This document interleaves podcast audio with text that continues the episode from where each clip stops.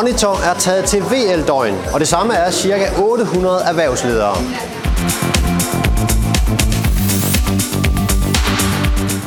Det handler blandt andet om networking, og så handler det ikke mindst om at få inspiration til at tænke nyt, tænke udvikling i en verden, der er under kraftig forandring. Forandring er altid vanskelig, øh, og øh, vi som mennesker er konservative. At fejle, det er ikke, det er ikke en option, jeg har.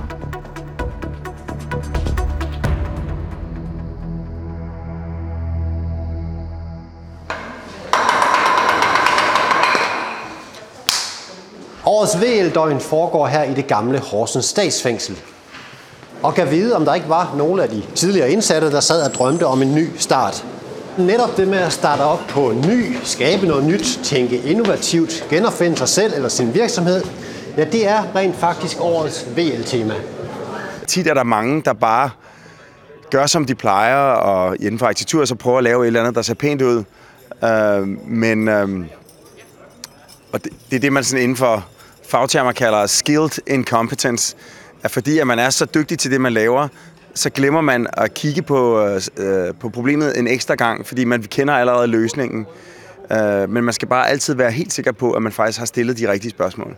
Men er man en veletableret virksomhed, så er det ikke sikkert, at det er en selv, der er i stand til at stille de rigtige spørgsmål meget innovation i dag sker jo ikke inde i virksomheden, så, så det med at tage chancer er jo også at, at se, hvor er det mulighederne ligger, og hvad er det så for nogle ting, man er nødt til at tilkøbe. Nogle gange er man nødt til at tilkøbe ikke bare øh, virksomheder og teknologi, men også talent. Jimmy Meiman er i dag præsident i det digitale mediefirma AOL.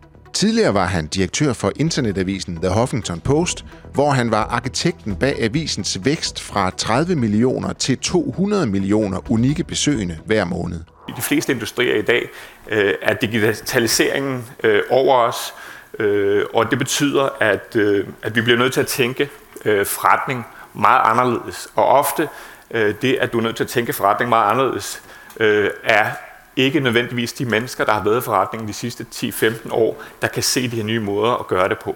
Øh, forandring er altid vanskelig, øh, og øh, vi som mennesker er konservative. Øh, det er vi alle. Vi kan godt lide, øh, at vi kender rytmen, vi kender måden at gøre tingene på. Men, men ofte er vi nødt til at komme ud af vores comfort zone, øh, og det er ofte folk, der kommer med nye, friske perspektiver, der kan skubbe øh, organisationen, menneskerne ud af den øh, comfort zone. Forandring er altid vanskeligt. Selv for virksomheder, der, der er opstået øh, for kun 10 år siden, kan forandring være vanskelig. Men øh, det, gør, det betyder ikke, at man ikke skal prøve at føre det igennem.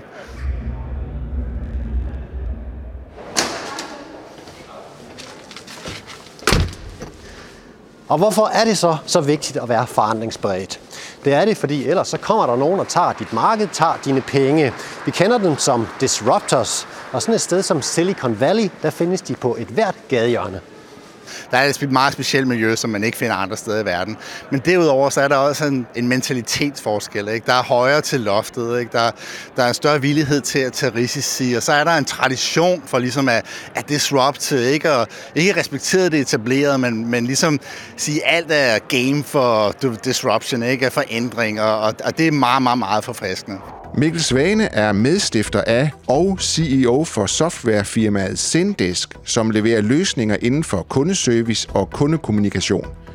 Firmaet ligger i Silicon Valley og blev etableret i 2007. At selvom man er et startup, så er der hele tiden 10 startups, som prøver at disrupte ens business.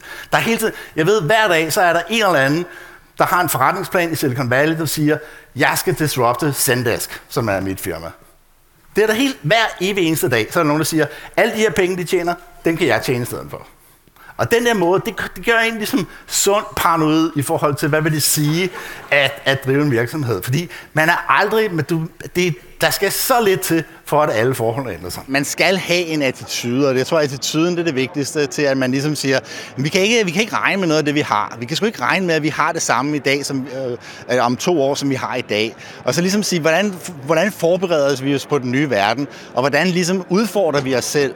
Og det tror jeg, det er meget vigtigt, man gør. Ikke? Man, skal ligesom være, man skal ligesom have en lille smule frygt ind i kroppen, ikke? for at sige, du skal ikke regne med, det du har i dag holder om to år. Du bliver nødt til at genopfinde dig selv. Ikke bare for din egen egen skyld, men for dine aktionærers altså og dine medarbejderes skyld.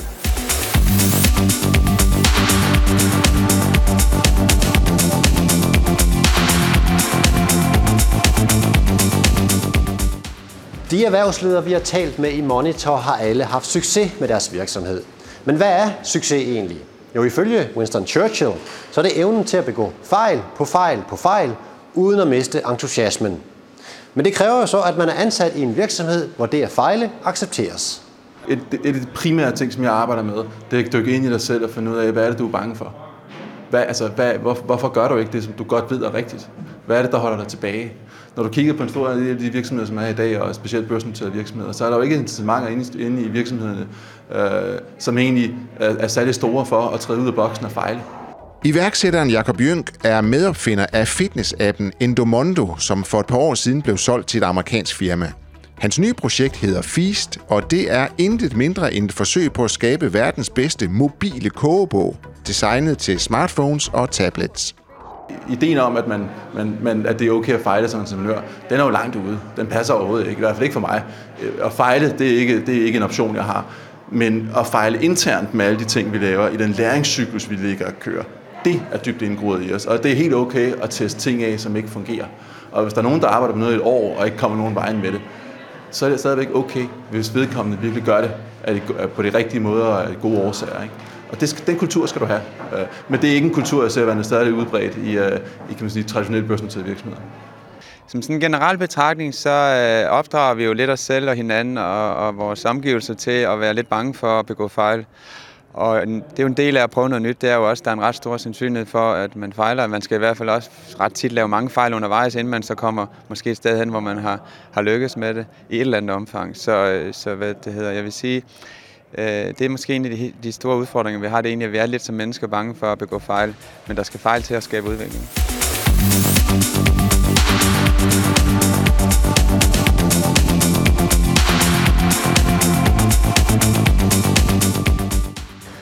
Monitor er slut for denne gang, men vi er tilbage med en ny udgave hver fredag kl. 14. Husk, at du finder os på Jyske Bank TV, Facebook og Twitter.